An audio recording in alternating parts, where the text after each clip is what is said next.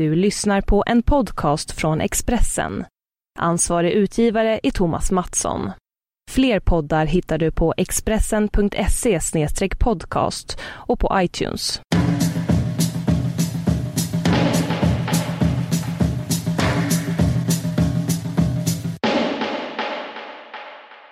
Hej! Hej! Indien, är du med mig? Ja. Det här är så otroligt... Uh, vet du vad det här känns som lite grann? Ett avsnitt Ja. av Kobra. Är inte det typiskt... Um, det är så typiskt Kobra tycker jag. att Vi har liksom en va- helt vanlig kulturpodd som mycket handlar om olika saker. Sen helt plötsligt så är det så här, idag är det special Precis. från Indien Likheter och, och olikheter. Eller hur? Det skulle kunna vara. Det är en viss estetik att vara så international. Men det, som, det som är är att jag är i Ja, Indien precis. och du är Precis. i eh, USA, i LA närmare bestämt. Och jag är närmare bestämt i södra Indien i eh, delstaten, Ja, ja, Tamil ja, Nadu. ja, ja. om man bryr sig. Och jag är närmare bestämt i Beverly Hills 90210. Är du? Mm. Gud, vad intressant. Och vandrar i Donnas fotspår. Ja, precis. Precis. Jag vill veta hur det gick till. Varför blev hon överviktig när hon var så smal? Skoja! Det var jätteopassande det skämtet. Okej, eh, men jag är här. Det är väldigt speciellt. Du Eh. kommer få veta, allt om det. Ja, jag vill veta allt. Berätta. Ja, vad ska jag börja? Vad gör Det du där? Är, mm, ja, men jag är här eh, för att det är februari dels och sen så men för att min kille är pappaledig och för att jag skriver ett manus. Och då kan jag lika gärna vara här. Eh, det är till Mm. min serie jag ska spela in och den handlar liksom om en juicebar. Så det är också väldigt så här, bra juice-research just här faktiskt. Eh, det, det är Ja, otroligt tänka lifestyle här. Alltså finns- det är otroligt liksom... Eh, vad ska man säga? Folk lever bara på den här, liksom, ovanför hela den här pyramiden av behov. Liksom den, Du menar att juice är väldigt högt upp i Ja, behovstrappan? behovstrappan innehåller inte typ råpressad juice överhuvudtaget. Men, men eh, jag visste Nej. inte... Men det finns, den, det finns ännu fler grejer som är helt liksom bara liksom spränger hela den här behovstrappan. Till exempel en vegansk ostbricka det, och sånt där. Sånt där är, är överallt liksom. Eh, jag bara, jag bara Wow. liksom traskar omkring. Jag, jag tycker det är intressant för jag kan tänka mig att du och jag liksom upplever, eller det kanske är fördomsfullt. Men jag tänker att eh, vi håller på med exakt motsatt grej just nu. Att det, allt jag gör, gör du liksom också fast tvärtom. Här handlar väldigt mycket om, Ähm, allt om, alltså, väldigt mycket om pengar upplever jag. Ja, det handlar inte Nej. alls om pengar Nej. där jag är. Men det handlar om en vegansk eh, ostbricka. Eller så här, Ja. jag är säker på att det finns ett ställe här med vegansk ostbricka också. Okej. För att jag är ju i en sån här, eh, i en slags, eh, vad, kan man, vad ska man kalla det? En slags experimentby typ. Där allting är så ekologiskt och eh, alla är, eh, alltså alla håller på med, eh, också med, med kan man säga, jättemycket såna där eh, experiment, vegan, allting är, det finns inte alkohol här, det går inte att köpa cigaretter, allting är raw food, allting är eh, liksom gröna juicer, allting är, alltså du vet Vad så speciellt. Eh, Det så- låter ju väldigt mycket som Ja, LA det är väldigt speciellt. Det är som LA fast eh, här är det så här, i den här experimentbyn finns inte heller pengar. Så att det är så här, eh, man handlar, man, får, man liksom handlar med ett slags speciellt kort som man får när man kommer in här. Som i och för sig är väldigt mycket som pengar. Så att, i alla fall. Men vad kostar ett sånt kort? Eller du kan... Det heter Oro. Ja, men det är som ett Eurocard fast det heter Orocard.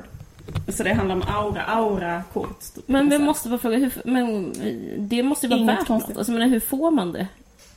Mm. Nej, nej, alltså ja, precis. Det är ju väldigt likt att man sätter in Ja. pengar.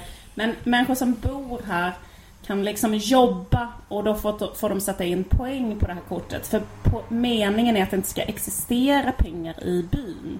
Men det gör ju det när man kommer in som, som utomstående. För jag jobbar ju inte när jag är här. Så därför så um, får jag liksom sätta in vanlig Mm, jag deg. fattar. så, ja. Eh, nog om mig, men... Eh, jag måste må- bara en eh, följdfråga. ja. Varför vill de inte ha pengar? Mm. För att det är eh, dåligt för eh, själen Mm. typ. Och eh, den, eh, liksom att det är inte bra att money is lord. Eh, Mammon. Mammon, det måste jag ha hört Absolutely. eh, någon gång att det finns en kritik mot det. Nej, men däremot så är det inte så vanligt att ta saken i egna händer och avskaffa pengar. Så det är ju Det är speciellt. Det är, Det är, det är fascinerande. Mm, det är speciellt. Ja, det är det. Eh, Men är, pengar, är det mycket pengar i Beverly Hills kan jag tänka mig? Ja, det är så extremt ehm, eh, mycket pengar och de pengarna genoms... Fast nu känns... Förlåt, jag ska bara säga en parentes. Att det känns som jag berättar någonting som alla ser varje dag bara slår på TV. Alltså det, eh, det är mycket mer exotiskt. Alla vet ju vad USA är. Det är liksom...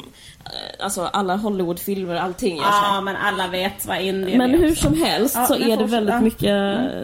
det- Jag märker det att det är väldigt så här. Det handlar bara om det på alla fronter hela tiden och jag glömmer alltid varför jag tycker det är så jobbigt att vara i USA. Eh, Men det har jag berättat om innan när jag var i New York och du, vet, du kan typ, typ dra min rant nu men det är typ för att jag blir rasifierad här och jag blir inte det i Sverige. Ja. Och det är så skönt att slippa vara Ja. det. Eh, Och jag känner, Blir du inte alls Alltså jag blev väl det lite men eh, det är inte som att jag blir det. Jag har liksom så himla andra mer, starka ja. liksom, kapital i Sverige som är så här. Du vet, mitt erotiska kapital i Sverige. Ah. Ska jag? Mitt kulturella kapital och liksom massa andra saker som gör att jag get around så himla mycket i Sverige. Men här så, Ja. så um, kan inte jag liksom flasha mina andra kapital så att min så här eh, färg eh, hudfärg eller mitt utseende blir... liksom, jag har en dotter ju, ja, det vet alla trogna lyssnare. Och eh, det är speciellt för att hon föddes eh, Ja. som... Alltså det, om, jag om det här hade varit en så indianhistoria så hade de liksom gjort en... Nej, jag vet inte, det, det hade berättats i åratal. För att jag födde en vit dotter liksom. Och hon är helt blåögd. Du har ju träffat henne. Ja. Eh, och är supervit. Så att det känns som hela tiden jag eh, har stulit ett barn. Och eh, alla tittar på mig som att jag är en nanny. För vi är totalt olika jag och min dotter. Hon har så här jättestora blåa ögon och så här jättevit hy. Och eh, det får mig att känna eh, superempati med de som står där bakom och diskar. För att jag umgås bara med folk här. Jag tror det är väldigt lätt hänt att, att om man flyttar hit så bara kommer man in i en slags lugn och då, då, då blir det liksom väldigt lätt att så här, man eh, börjar eh, vara på så här, väldigt dyra ställen och ja du vet. Eh, och, då så, och alla som är på dyra ställen är vita och jag är typ den enda som ser ut som de som lagar mat och diskar och plockar och det, ja, det, det, det är väldigt påtagligt hela, hela tiden. Så, och det är Kommer det bli som den där, eh, är. Påhittade historien att så här, romer har stulit ett barn. kommer det vara sån... eh, Kommer det bli- en sån nyhetshistoria om dig och din, din, din dotter kanske? Ja men Kommer du ihåg den kanske. historien? Att de hade hittat en vit, ett vitt barn bland romer så var det som en sån Nej. konstig vandringssägen att de hade stulit det barnet. Det var ju bara deras eget barn så var det så här. Men gud, vad ofräscht. Ja, men de det kom- vita. Ja, men jag märkte typ så här, igår var vi på Barney som är så här, typ, de, det ligger uppe i Beverly Hills, utsikt över hela, liksom allt, ja, det är liksom dyraste stället i världen i stort sett eh, att handla på. Det är som, det är som NK, men eh, jag, eh, men det är liksom, och sen så sitter så här jättemycket så här vinade plastikopererade 65-åriga tanter och liksom bara grinar och älskar eh, mitt barn men typ behandlar mig som skit. Alltså för de är fulla, de sitter i baren när vi är där och äter lunch. Och ehm, så de liksom, eh, de, de, de skiter i liksom hur de är mot mig. För att de kan, för att de liksom orkar inte, för att de är ändå fulla. Men de är såhär You're adorable, you're adorable. Och sen så håller jag bara henne som att hon inte har med mig att göra. Det är väldigt speciellt. Hon är extremt adorable kan jag säga till ähm, äh, lyssnarna. Det är hon. Men det tycker jag är speciellt med henne Eh. här. Att liksom, ja. Men, fast det nu Ja. berättar jag det negativa. Jag har det helt underbart här. Det är liksom, jag vet inte hur det var med dig, men jag upplever att hela ens liv, eller mitt liv, har handlat om en strävan att åka till ett ställe med pool och palmer. Eh, alltså som barn så är det, också kanske som vuxen, men så är det så bilden av lycka är typ Los Angeles. För att jag tänker typ, eller, eller Hawaii också eh, har den liksom. Att man bara, Mimmi och Musse eh, har en, Mi- Mimmi har en rosett på sig och är i Hawaii. Det är typ eh, eh, lycka i liksom dens mest renaste Ja. form. Alltså den här, så här Disney eh, värme och palmer och, och så. Det är väldigt speciellt för det är så här. Det är liksom som att Mimmi... Det, det är som, som att Mimmi och Musse på semester på ett liksom härligt sätt. Att allt så är gott, allt är ljust, allt är pastelligt och liksom bara massa ah. kändisar och bara massa sol liksom. Det är väldigt... Eh, ah. Det är som 1984. Eh, och så bara får man det. Det är, väldigt, det är väldigt speciellt. Måste man eh, åka bil överallt? Man åker bil överallt. Eh, det är också så, det är också alltså, så typ, som det var på 80-talet, att det var, vad är problemet med bil? Alltså sån stämning är det att så här, of course, mm. man åker bil överallt. Liksom ingenting, alltså miljöfrågan, allt är bara så borta och allt är bara glassigt liksom. Det är väldigt speciellt. Ja. Uh, och det känns som att jag äntligen får uppleva min dröm av att så här, vara ett sånt poolparadis. Liksom. Och palmparadis. Mm. Ja. Uh, men det... Jag är också, jag tror att vi är på ett mm. liknande Jag har också varit på massa så pool och palmparadis här. Alltså för att det finns pooler här också då med palmer runt omkring och sådär. Men det är sådana pooler ja. som man inte betalar, ja, precis, man betalar med med en slags hippiepengar som ingen förstår det funkar.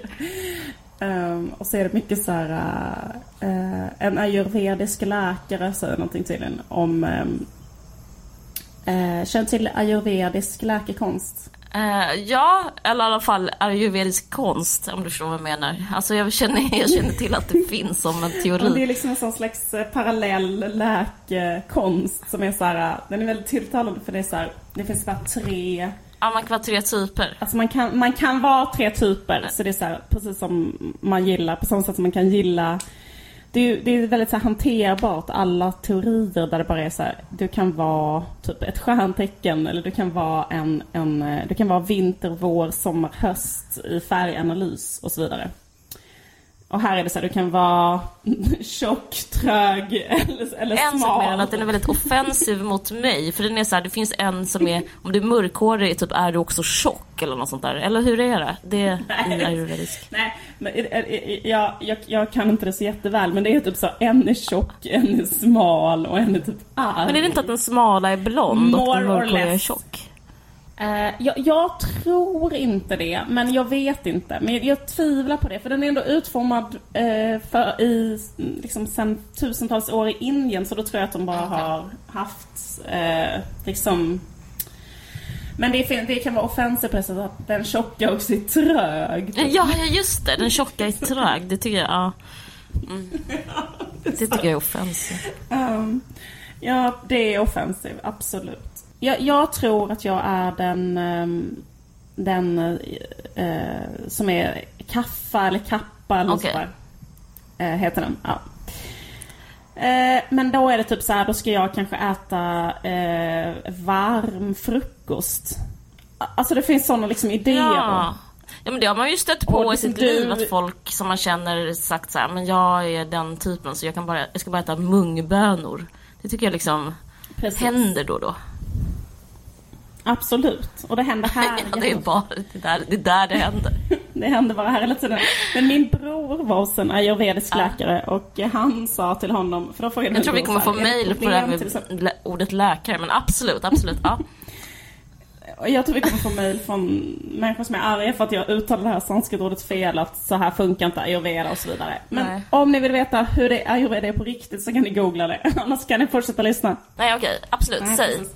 Ja, min bror han frågade, då, han fick olika tips ja. då. Typ så ät varm frukost kanske. Du är typiskt en sån som ska kanske äta varm frukost. Eller du ska inte äta torkad frukt till exempel. Alltså vet sådana där äh, idéer. Okay. Och sen så frågade han, är det ett problem att äh, för mig med liksom alkohol och cigaretter och så? Alltså han sa ju det utifrån att känna så här, jag är ju en sån person som kanske röker och dricker lite för mm. mycket.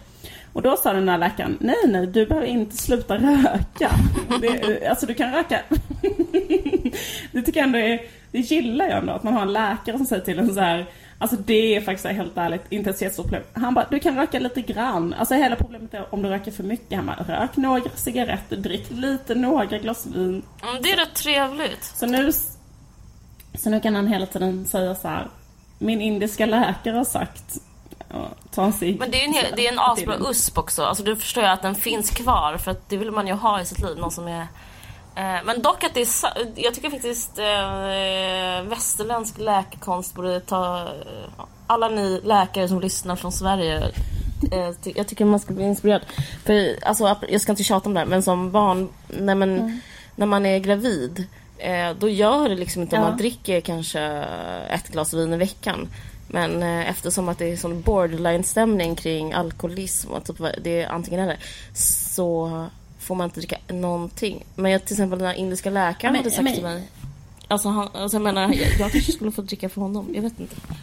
Det är inte Ja, det är farligt. mycket möjligt. Men, men jag tror också att, eh, alltså bara man ser på läkare, alltså västerländska läkare, så det, de röker och dricker ju hela tiden. Det tycker jag är liksom jättevanligt bland läkare. Ja, verkligen. Och det tycker jag tyder på att det inte är så farligt. Men de, de säger hela tiden. Men Ja, nog om det. Vi behöver inte prata om det. Men, mm, men vad fan, det var något annat jag skulle säga som är offensiv här. Jo, att umgås med musiker och sånt. Och som, för grejen är att om, den här staden är byggd på drömmar, om du förstår vad jag menar. Det är liksom bara alltså folk som vill bli någonting som är här, eller är någonting kanske. Aha. Så det är väldigt mycket skådisar, in spe, det är väldigt mycket musiker och filmregissörer och eh, folk som städar åt dem typ. Ja. Men det är liksom, jag har suttit på middagar och väldigt så här, jag vet inte, det är väldigt tråkigt att prata med musiker. Och eh, jag vet inte om du har märkt det här. Alltså musiker som kanske vinner Grammy eller kanske är, liksom håller på och gör Taylor Swift skivor eller vad det nu är liksom. Ja. Eh, det är väldigt, det är otroligt manligt, jag vet inte om jag säger självklarheter, men alla kanske vet det här, att det är väldigt manligt Nej, det gör du inte. Nej, det gör manlig, inte. Säg. eh, ja. business liksom. Det är bara killar. Ja. Att vara producent är typ att göra musik och då är, då är 99% män. Och sen så typ, när de kommer ut ur sin grotta som i den där studion och ska prata med vanliga människor typ som mig. För då kanske de har vunnit så här tusentals priser och är miljardärer. Och då, vet du vad samtalsämnet är då? Penis. Mm. På vilket Att bara sätt? säga ordet kuk och penis och snopp i olika, liksom, i tid och otid. Och jag bara tänkte på det efteråt, att det är så jävla svårt att... Eh, eh, jag upplevde det som så jävla offensivt att bara säga det ordet.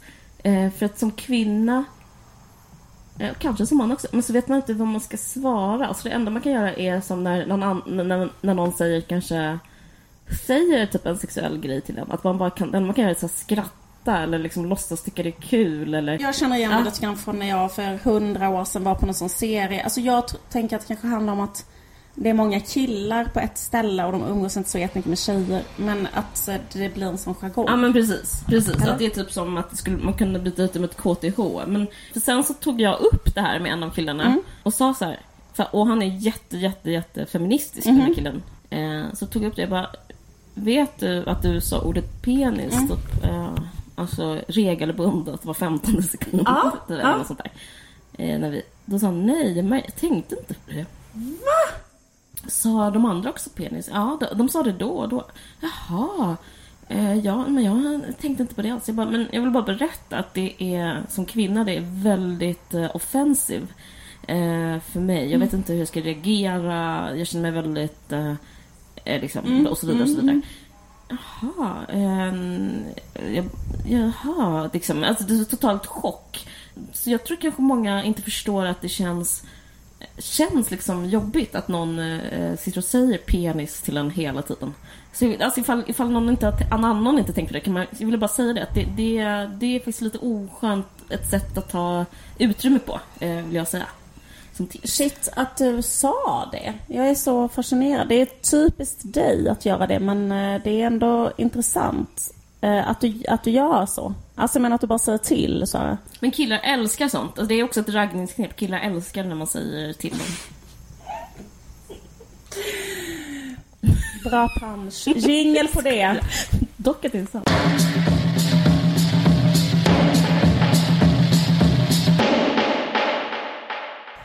Ska vi inte bara säga det? För det tycker jag är så här intressant att för dig är det här på morgonen och för mig är det här på kvällen. För mig är klockan tio i tio på kvällen.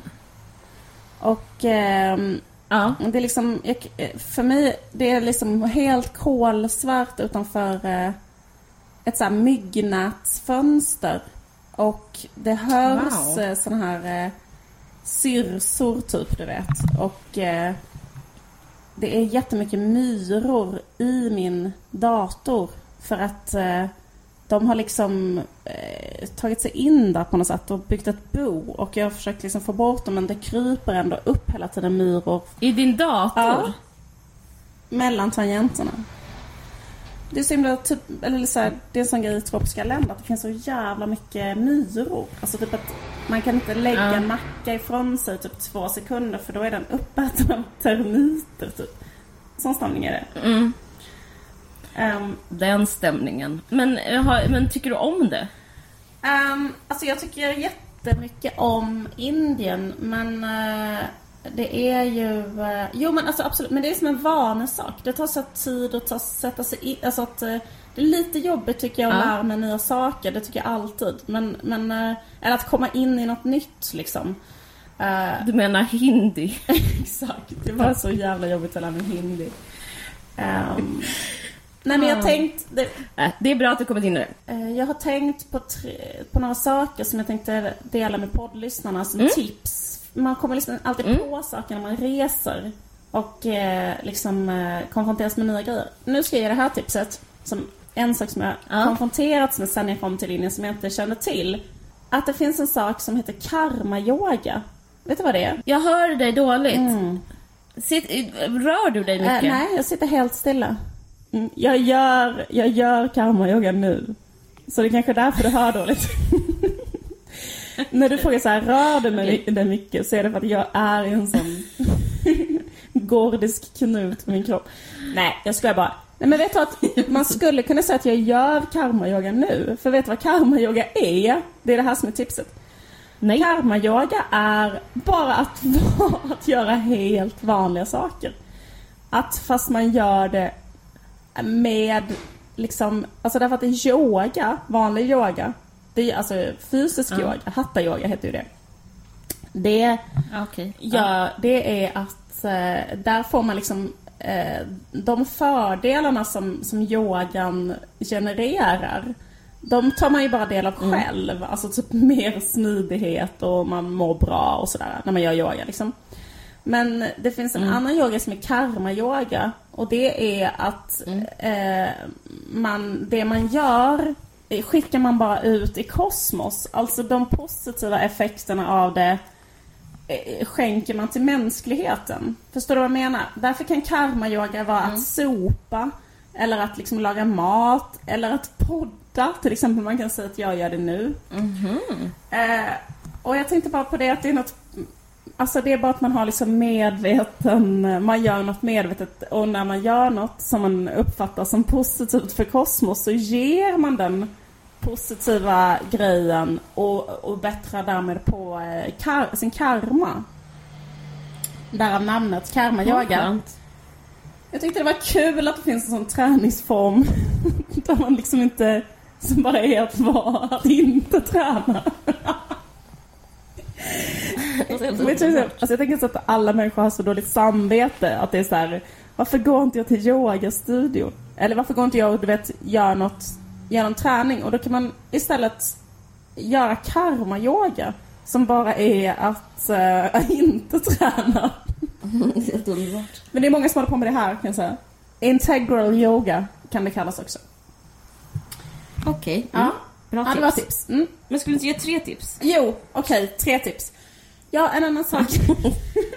ja, Förlåt att jag pressar dig på tips. Ja, men mina andra tips är inte lika bra. Eh, men jag kan säga dem i alla fall. Okej, men ett, jo men det här är faktiskt ganska bra tips. Jag är ju på den här semestern med mitt ex. Du, älskar att du berättar det som att hela världen vet. Nej, men, Det gör du ju. Mm. Eh, och han är då pappan till mina barn, men vi är inte tillsammans längre sedan två och ett halvt år tillbaka. Och eh, Hur fan går det ihop? Skojar.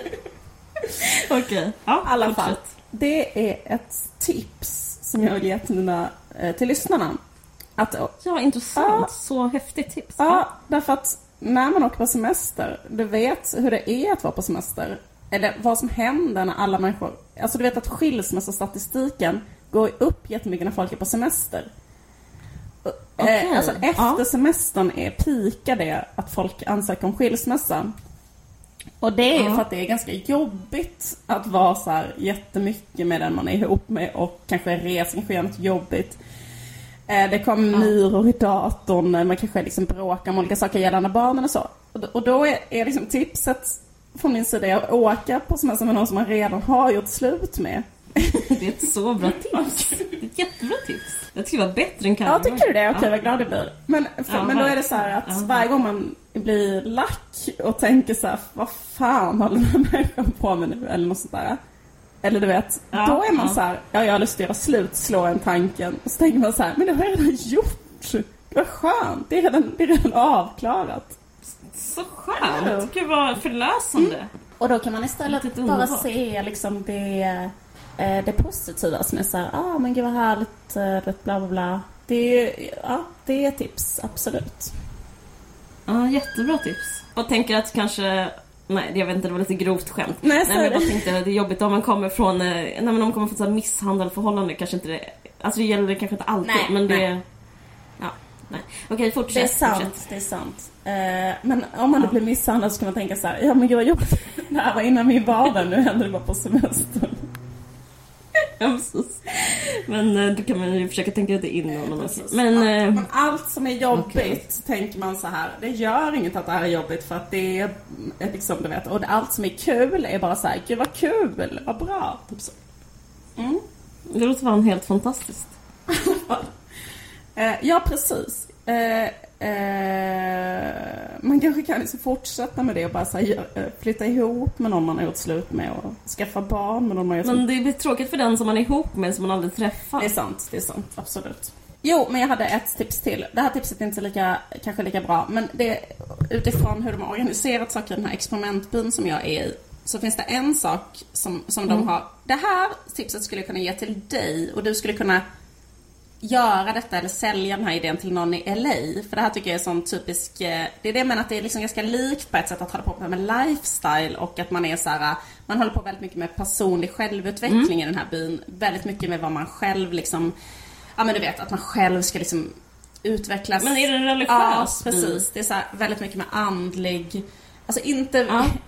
Eh, Så, såklart andlighet bortom religion så här, men eh, Ja, alltså inte, så här att det ska, inte in, in, in, katoliker nej, precis, inte att det, som- så- de är ju såklart mot religion men för att man ska ha så här, en egen så här, spiritual growth. Men inte det är det enda folk håller på med i LA också?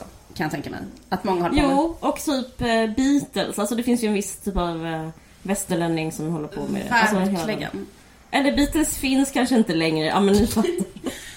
Beatles. Jag läste en, eh, en eh, liten beskrivning av hur det var när Beatles träffade den gurun som de hade kontakt med från första början. Alltså, och då åkte Ja. de dit med Mia Farrow till hans ashram. Eh, Som ligger i, i Precis. Rishikesh. Och då antastade gurun Mia Farrow. Har du hört om detta? Ja, men har inte jag berättat det här för dig? Det finns en podd som heter I have to tell you this. Och då berättar Maya Farrow det här. Att hon fick special treatment och alla i Beatles var jättesvartis och avundsjuka på henne. Men det enda som hände var att hon egentligen blev se- sexuellt trakasserad. Ah, nej, du har inte berättat det för mig. Jag, jag eh, har hört från en annan källa. För att Och hon blev ut, alltså hon blev liksom dels sexuellt trakasserad av Ja. gurun och sen så blev hon utfryst ur Beatles. Just det, för det som var hände var att John Lennon trodde inte på henne när hon sa så här, gurun har sextrakasserat mig eller typ försökt våldta mig vad jag förstår. Eh, gurun själv sa, jag har levt i celibat i 30 år och skulle aldrig drömma om att antasta Maja. Lex alla katolska präster.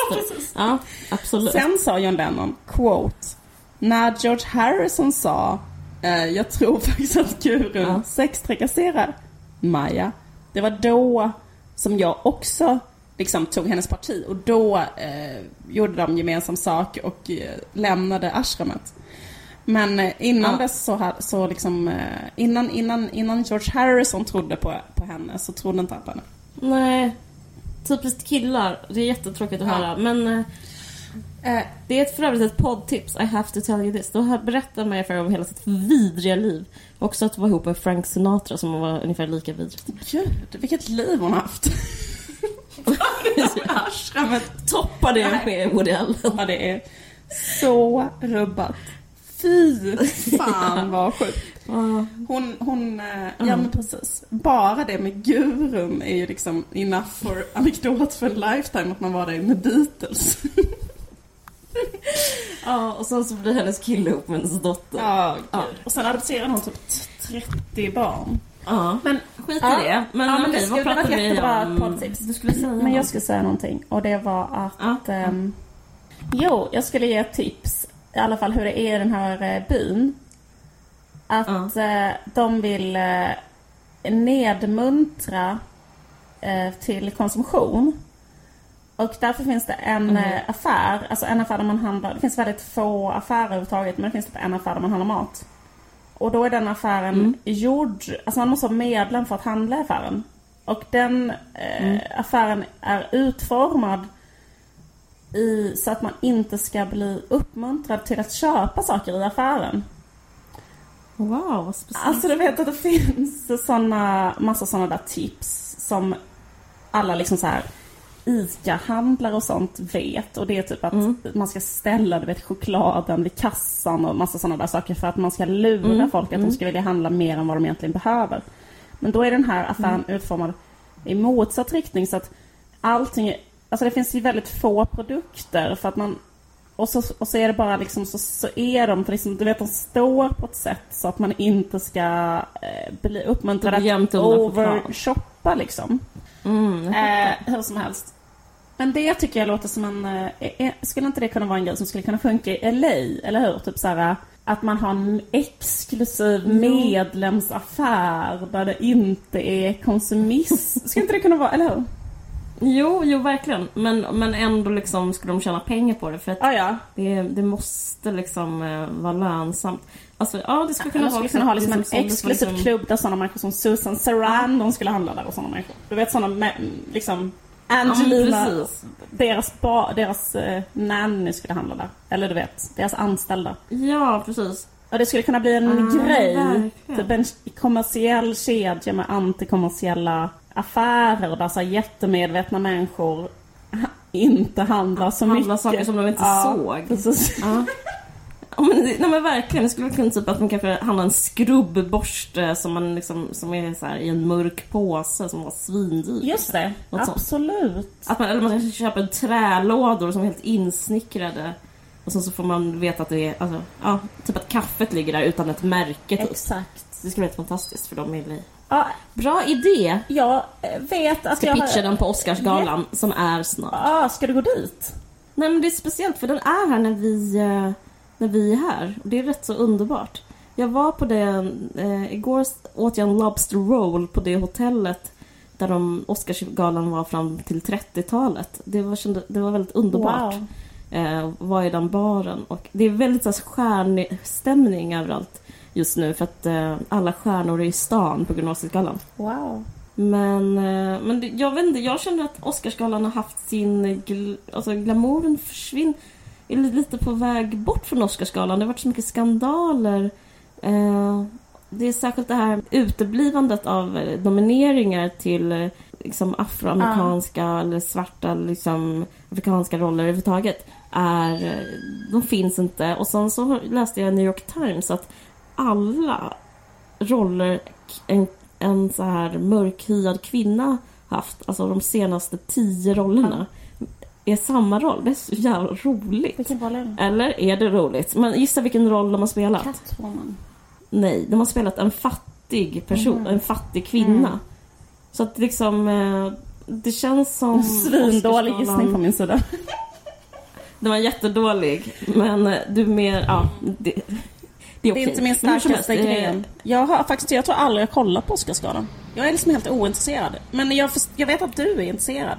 Men för mig har det Men aldrig... jag älskar film liksom. ja. Jo men jag gillar det också men jag, jag vet inte. Ja.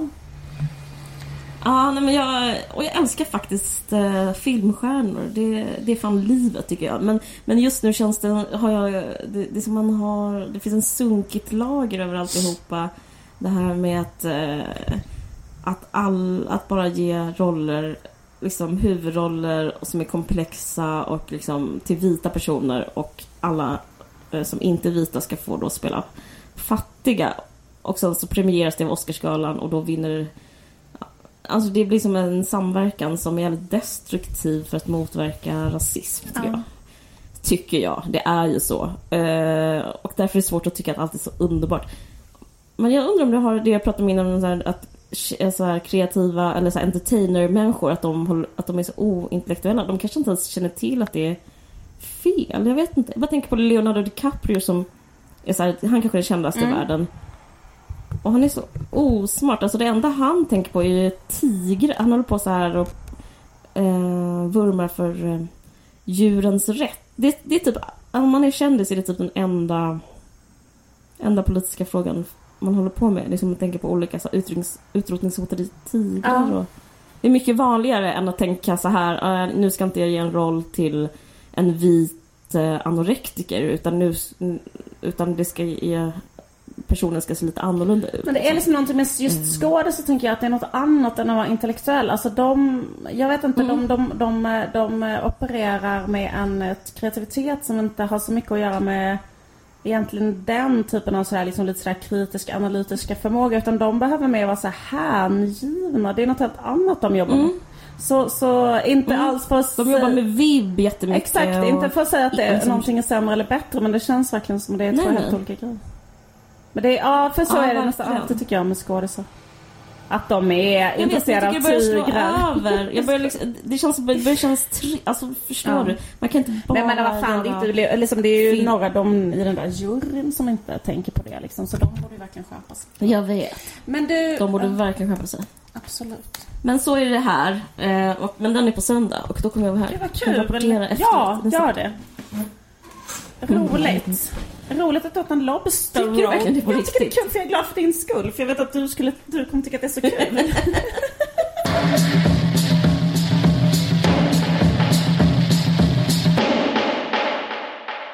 Jag fick ett eh, mail.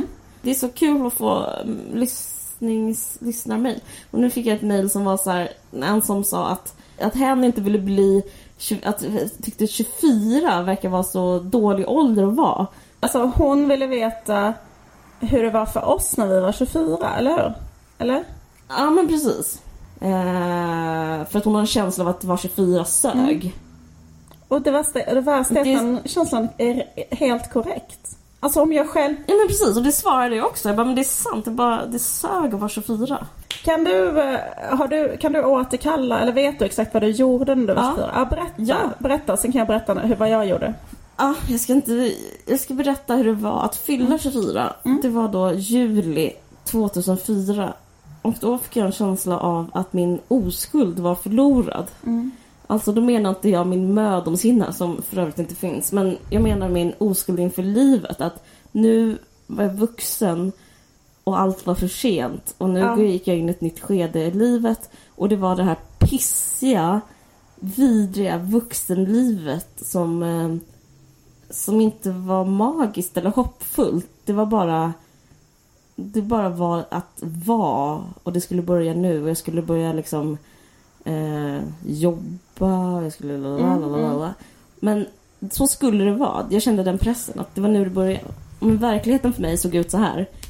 Jag var hemlös, Nej, men nästan. Jag hade ingenstans att bo och jag bodde på olika ställen i Stockholm och eh, eh, hade jättetveksamma relationer eh, och hade inga pengar. Eh, jag, jag hade inget studielån. Alltså allt bara var så jobbigt. Jag hade verkligen noll, noll pengar. Och sen så åkte jag till Chile med min pappa. Eh, Han typ kom bjöd dig måste han ha gjort då ju. Han, Ja, min pappa Ja, bjöd mig till Chile för att min släkt kommer därifrån och jag hade träffat dem innan. Och där såg jag liksom världen, jag, vet inte, jag hoppas inte min pappa lyssnar på det här, men han håller med mig.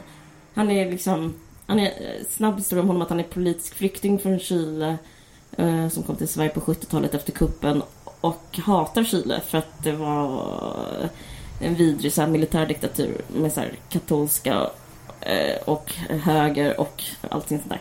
Skitsamma. Eh, Pinochet. Eh, hela den grejen. Han kände sig sviken i landet. Och, eh, och han ville göra revolution på 60-talet på grund av att det var så jävla kla- stort klassamhälle. Så kom vi dit. Och så var det så jävla vidrigt. Vi kom till ett, en mest smoggiga stad, Santiago. Allting bara låg. Jag såg aldrig himlen. Det var vinter där. Jag åkte från så här, en sommar i Sverige in i en vinter på alla nivåer. Eh, jag såg så här kåkstäder. Eh, min kusin hade begått självmord för att han var homosexuell. Gud.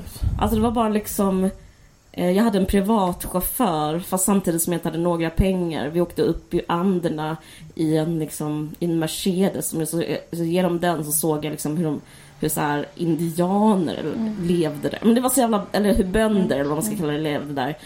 Eh, och sen så åkte jag hem och sen så typ eh, hade jag en jättedålig kärleksrelation eller flera. Och så visste jag inte alls vad jag skulle göra med mitt liv. Till slut flyttade jag faktiskt till Malmö och sen så började vi umgås igen. Men eh, det var liksom... Jag tror inte du och jag hade särskilt mycket, kontakt om det, året Men, faktiskt. ja, okej, men för jag trodde att det var så här att när jag var 24 började vi umgås igen. När du var 22. För att när jag var 24 Ja. Då flyttade jag tillbaka till Malmö från att inte ha bott i Malmö. Alltså, eller, eller jag hade aldrig bott i Malmö innan. Jag flyttade till Malmö Ja. helt enkelt när jag var 24. Eh, Mm, ja. Och bodde i ett kollektiv som du kanske minns. Absolut. För då tror jag att du bodde i Lund typ? Nej? Nej, Ja, jag du bodde, bodde i Malmö. Men sen flyttade jag till Stockholm. Och sen flyttade du tillbaka pengar. igen. Men precis. ja, jag höll på så Just jättemycket det, fram och exakt. tillbaka. Men jag tror att du och jag började umgås igen. För lyssnare som inte tycker detta är så, som inte har detta bara som ett rinnande vatten i huvudet. så eh, gick vi på samma gymnasium och sen var det några år vi inte umgicks. Men sen upplevde jag, att- sen så tror jag att det var så att när jag flyttade tillbaka till Malmö från att ha bott så här, då hade jag varit i Mexiko. Ja. Och så kom jag tillbaka från Mexiko. Och då umgicks, började vi umgås igen. Igen. Då gick jag juristlinjen. Sen hoppade jag av den och flyttade till Stockholm och gick på konstskola. Just det. Utan studielån och utan bostad. Och sen så åkte jag till Chile och det var här var då liksom... Precis, för att du var ju 24 år eh, 2004 och jag var 20, 24 år 2002. Men Precis. för mig var det också så här, jag, jag kommer ihåg det något tydligt just den här känslan av att allt, eller att vissa saker kändes som att vara för sent. Ja, exakt. Men det, det som man vill säga, eller jag kan berätta hur jag hade det. Jag, jag hade liksom för första gången, eh, nästan för första gången erfarenheten att mitt psyke liksom inte höll. Alltså typ inte höll ihop. Eh, eller jag menar, jag, jag var ganska, hade rätt mycket ångest och så när jag var liten. Eller sådär bla bla bla. Men från jag liksom kanske var 16 fram tills jag var liksom 23 så hade jag någon sån eller med, med svackor såklart, bla bla bla. Men jag hade liksom ändå en, ett slags... Jag liksom satte en... Men du var aldrig den, du var, du var den, du var den psykiskt starka Ja. i gänget skulle jag säga. Jag satte typ någon konstig ära i att ha ett hjärnpsyke som var byggt Ja. på en eh, liksom eh, en lögn. Nej men, nej, nej, men liksom, det var byggd lite grann på att kanske inte riktigt På vilja kan man Ja, säga. men typ på att så här, jag ska fan inte låta eh, typ Ja, men, exempelvis varför jag bröt ihop när jag var 24. Det var ju så här, jag hade varit ihop med en kille eh, ett år tidigare eller någonting som hade varit så här otrogen mot mig. Och sen hade vi gjort slut. Och då var jag så här, det här ska inte jag vara ledsen för. Därför att man ska, jag ska inte låta någon töntig kille få mig att må dåligt. Alltså så. Och bara bestämde det typ. Och sen så bestämde jag att jag inte liksom fick tänka på det eller vara ledsen över det överhuvudtaget. Och sen typ ett år senare så bara var jag så här. Detta var då när jag var 24 och flyttade tillbaka till Malmö. Ja, men jag kommer ihåg att jag bara var så här. Det är så jävla läskigt det där när man börjar må dåligt. För man kan bli så rädd tycker jag. Alltså att man är så här, för man får massa symptom som man inte känner igen. Typ.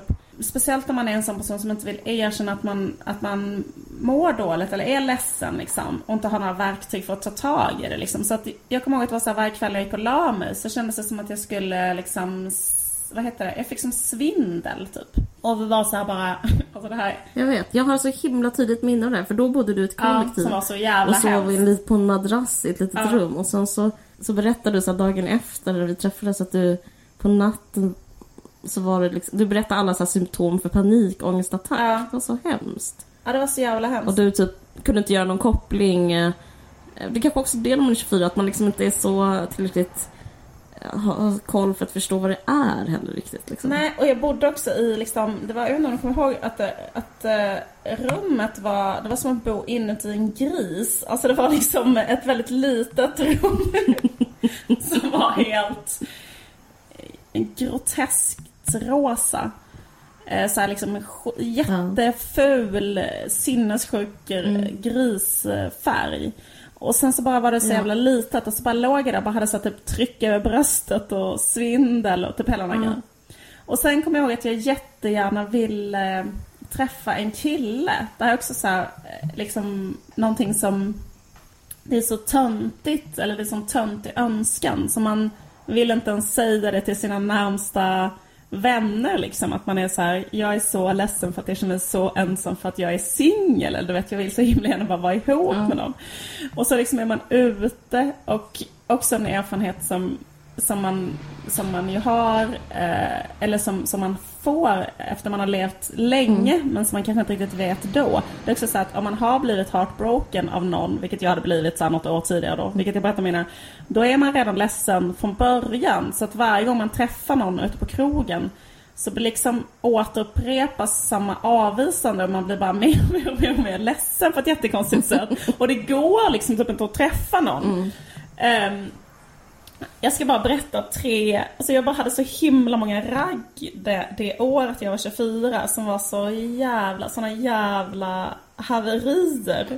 Låt mig berätta Ja. ett kort. Du Ja. minns ju detta för du var ju med. Men Ja men jag minns också, jag var ju också singel. men Vi liksom- singlar ja. och vi bara gick omkring där och försökte, alltså det var så jävla hemskt. Och, och jag kommer ihåg till exempel, Ja. sån här slags ragg hade jag. Det var typ en, jag vill säga, tänk dig då att man vill jättegärna träffa någon och är så, här, så himla ledsen och sur och bara står och är ledsen och sur på ett disco så att ingen liksom så typ Mm. dansade det fram någon konstig så här, popkille med så här lång lugg till mig. Och bara liksom stirrade på mig jättemycket under en hel kväll. Och sen helt plötsligt innan jag ska gå så typ dansar han fram till mig med en så här passionsfrukt. En liten passionsfrukt och typ lägger den i min hand. Och sen säger han så här. "Eh, Jag vill att du och jag ska träffas imorgon klockan 10 typ på glassfabriken. Lokalfik i Malmö. Jag minns det här, jag vet exakt vad det här är. Ja det är jättekul. sen går jag dit, glad i hågen. Typ tänker så här. Det är nu jag ska bli så här lycklig och bara ha det bra. Och inte behöva sova själv i min äckliga säng. Och så.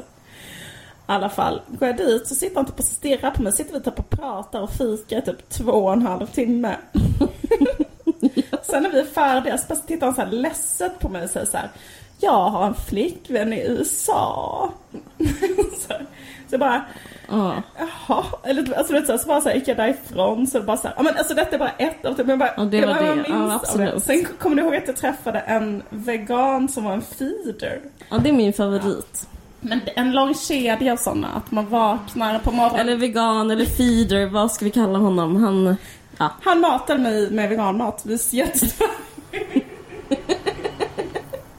Jag har liksom aldrig blivit så itryckt Mätt. så stora lass av veganmat. Det är fan det sjukaste jag varit med om. Jag bara fick så mycket såna lass med så wraps med sötsursås. och så kakor och han var bara hela tiden så här vakna bara vill ha frukost. Ja, men han var ju sjuksköterska, han var så omvårdande liksom, i sin personlighet. Och nu låter ju det här Eller hur? bra, men det var också för att maskera någon sån total liksom aspis eller förlåt jag ska inte säga sådana ord. För jag, jag ber om ursäkt för jag kränker olika grupper så här hela tiden. Men han ville bara prata själv och han, han ville två saker. Mata mig och prata själv och aldrig fråga något. Alltså, han var liksom helt oförmögen att ta kontakt med mig på något annat sätt för han var väldigt innesluten i sig själv. Så han kunde liksom inte kommunicera ut. Ja. Det enda sättet han kommunicerade ut var att Men jag vill att lyssnarna ska förstå vad som hände. Alltså, ni träffades och sen sa han vi ska gå på, ut, vi ska gå på picknick.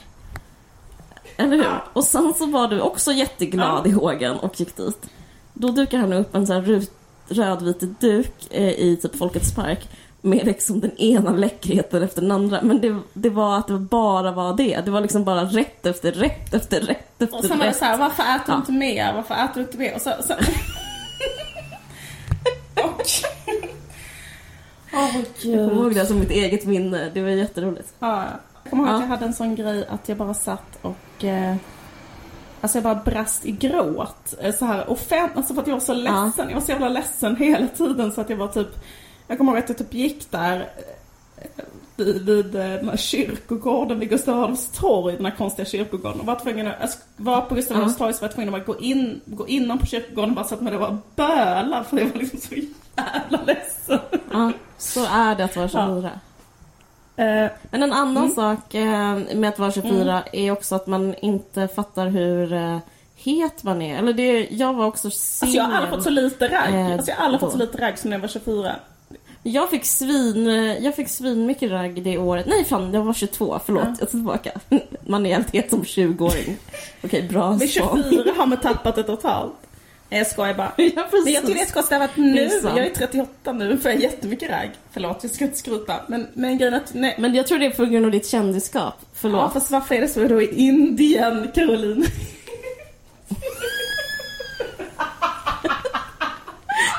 Oops. Skojar bara. Eh, ja, okej, Nej, intressant. det är inte så. Jag skojar bara. Det, jag, Förlåt. Jag menar inte att, eh, jag menar inte att du inte har, att du inte är het. men Men, jag menar jag att bara jag får tänker ragg på att... samma eh, sätt som Ingvar Oldsberg får ragg. Så att folk känner igen honom från TV, att det är det. Men jag tänker att alla gillar kändisar. Ja, det är sant. Men... ehm, Eh, for, fortsätt berätta om din historia när du var eh, eh, 24. jo, Att men, du inte fick ragg. ja, men precis. fick. Då var det att jag... eh, Men jag, för grejen, min största upplevelse att vara liksom ung överhuvudtaget var att inte fatta någonting. Och jag har den... Måste bara erkänna att den sitter i. Jag känner mig väldigt liksom clueless ofta. Mm. Jag tror det är bäst uttryck. Jag, vet, jag har ingen koll om någon... Jag fattar ingenting om någonting. Och så, och så var det jättestarkt när jag var 24. Men jag minns att jag var på en midsommarfest. Och då satt jag med en fransman. Och det här kommer jag ihåg bil. så jävla väl. Ja, det kommer du ihåg. Den här historien kan Eh, jag berätta. Men han, jag fattar inte heller typ hur eh, snygg jag var tror jag. För att han, han var så jätteintresserad av mig men jag tänkte bara att han tyckte att jag var ful och ville friendzona mig. Men i alla fall, han satt och ville, han pratade med mig en hel natt. Eh, för typ antagligen att han ville egentligen ligga med mig. Han hade sett ecstasy också och det blir man ju också kåt Ja. av. Så han, vi satt där ute på Österlen i en bil och pratade om livet, eh, trodde jag. Men antagligen var det att han raggade. Och då fick han mig, det här är så intressant, typ att vara så clueless. Då fick han mig att flytta till Stockholm för jag hade, jag tog allt han sa på jättestort allvar.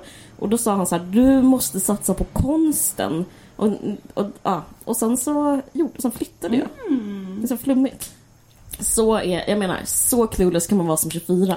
Ja, men jag kommer också ihåg det att du var ju väldigt mycket så att du exakt gjorde sådana grejer. Så att du pratade med någon en hel natt. Ja. Och sen var du så här äh, Ja men precis. Att du inte fattade. Som Nej men en- exakt, alltså, men det är ju... Det, Ja, precis. Jag minns en annan känd där, författare som jag inte ska nämna namnet på som bara så här, som vill eh, så här Ja men typ han skrev med en sån stor spritpenna över mig hela sitt telefonnummer. Mm. Då tänkte jag så här, men han vill nog bli kompis. Och han var så jättefull och så här, men och typ, eh, ja. Och vi hånglade också. Men jag, jag, jag tror att jag liksom inte, jag vet inte vad det här är för sensmoral. Jo men det är jag nu, den där, vem det nu är som har sagt det där, youth is wasted on the young. Eh, ja men precis, lite. Och det kan man verkligen säga också med good looks is wasted on the young. För att det är också så att Ja, du verkligen. hade allt det där och kunde absolut inte så här avnjuta det. Utan bara gick runt och Nej, tänkte jag kunde så här, inte det. Ja, men och samma med grejen med mig. Jag vet inte, jag bara spelar mina kort så himla fel på något sätt. Jag fattar inte hur jag kunde vara liksom Ja. så dålig på... Alltså, jag fattar liksom att jag, jag kommer ihåg att jag hade liksom ett helt år av liksom bara en sån kedja av sådana incidenter av så här totalt misslyckade... Jag vet inte, var helt, så här totalt bara en ändlös mardröm typ. Ja men precis. Men eh, jag vet inte, jag säga det här för till den här personen som, Att det blir bättre. Eh, so- som, som är, som är rädd för Ja. bli 24 att eh, även om hon inte fattar det så är hon mycket bättre hon, än hon tror. Hon, alltså för det bara är Ja. så. Det bara är så helt, så är det. Plus att man är alla- alla- svinung när man är 24. Det kan man också tänka. Ja. Alltså typ att så här, Alltså jag måste säga, jag, skulle, jag tänkte faktiskt på en sak när jag var 24 därför att nu när jag var, eftersom vi fick den här frågan så började jag tänka på på riktigt Mm. hur det var. För jag tänkte att jag skulle vara helt ärlig med hur det var när jag var 24. Mm. Och, men då tänkte jag på en sak som jag har sagt i alla intervjuer när folk har frågat mig så här, eh, när började du rita serier? Då har jag alltid sagt så här, det gjorde jag när jag var 23, 23, 22, 23 år gammal.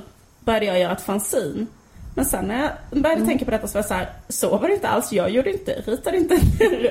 Då var jag bara så att jag bara grät och hade någon konstig mm, dejt med en kille som inte funkade. Jag höll inte på att rita serier då. Det gjorde jag. Det Nej. började inte jag göra. Och det här tycker jag kan vara om man är ung och lyssnar på detta. Jag ritade inte, eller liksom, eller jag menar jag ritade väl när jag var teckning då och då någonstans men det var liksom inte alls seriöst. Men att när jag började göra mitt... Jag kommer ihåg att du satt och ritade av salt och pepparkaret i, uh, vi satt runt bordet i ert kollektiv. Men det var liksom, det var that's about it ungefär. Alltså, ja.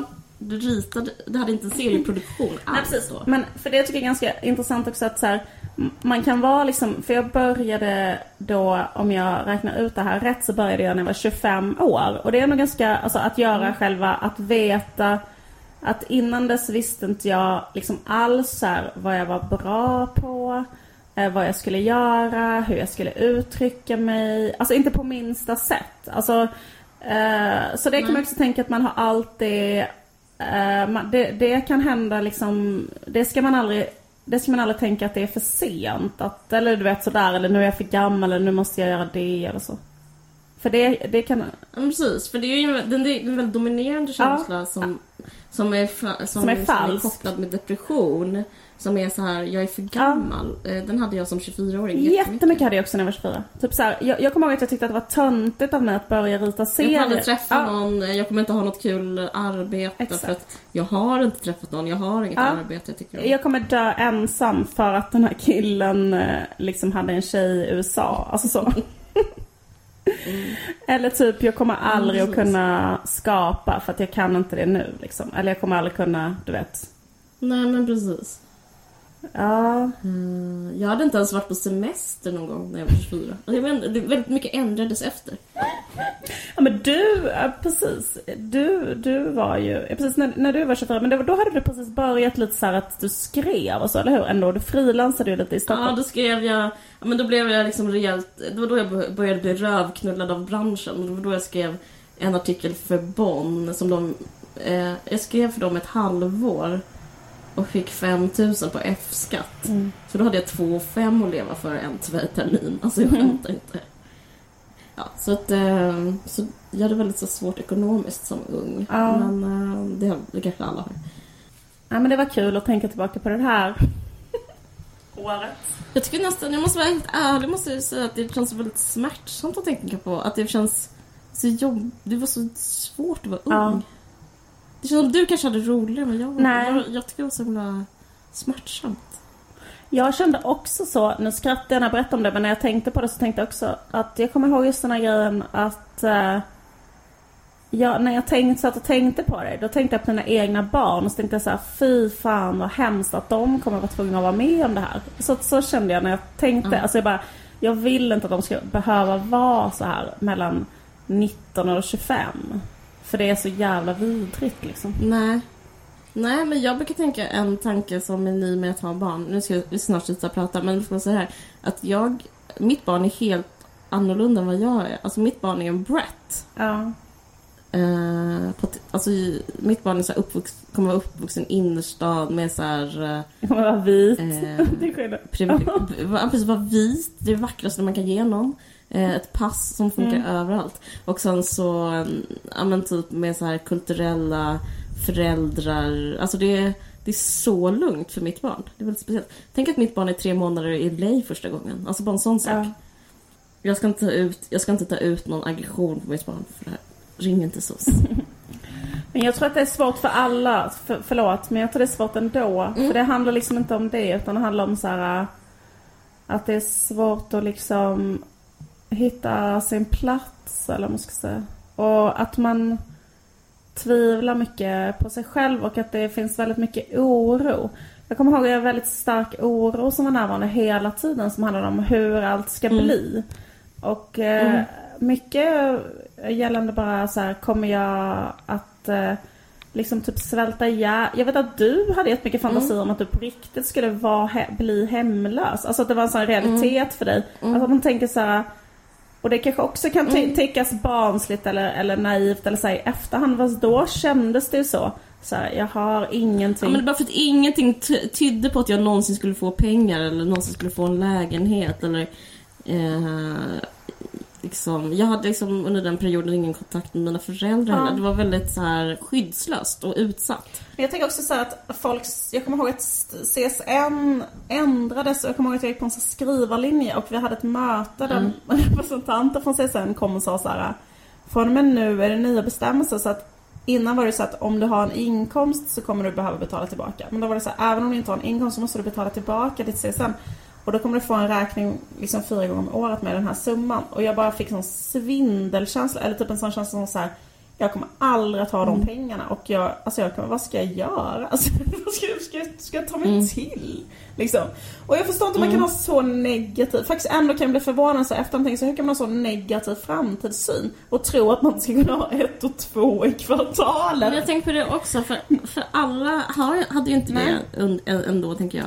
Men jag, jag delar det. Men jag undrar om det är... Det här är så jävla självgod förklaring, men jag säger den ändå. Att det är typ den, negativ, den dåliga sidan av att ha fantasi. För att Ja. Man liksom tänker ut, man har ett helt scenario som, fast eh, man, istället för att måla det i ljus så målar man det här scenariot i totalt mörker. Så jag har så himla lätt för, och hade väldigt då, in, väldigt, nu kommer de tillbaka, hade väldigt lätt för katastroftankar. Ja. Eh, ja men exakt, jag vet, jag känner igen det också. Att jag hade kat- jättemycket katastroftankar. Men eh, det kommer bli gött för efter 24 blir man 25 och så, ja. ja men precis. Eh, jag upplever en slags vår när jag blev 30 måste jag Ja, säga. gud ja. Jag med. Verkligen. Och sen så säger min Eh, mamma så till mig, jag, satt, jag, jag känner mig gammal och så min mamma så här, nej man har två vårar kvar när man är, alltså jag är ju 38, hon bara, ja men då har du två vårar kvar. Det är så här, en vid 50 Mysigt. och en vid typ 60. Eh, jag måste gå och lägga mig för jag ska gå upp klockan fem imorgon bitti och åka till ett eh, heligt berg. Självklart. och Vad ska du jag göra? måste åka till Silver Lake. Jag ska till Silver Lake och gå på en eh, restaurang och ha, äta lunch. Gud vad härligt. Ja, det är superhärligt. Eh, Okej, men eh, tack för att ni lyssnar. Ja, tack, tack. Ha det så Hej bra. då. Hej då.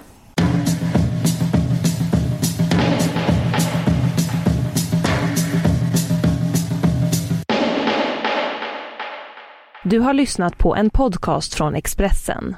Ansvarig utgivare är Thomas Mattsson. Fler poddar hittar du på expressen.se podcast och på iTunes.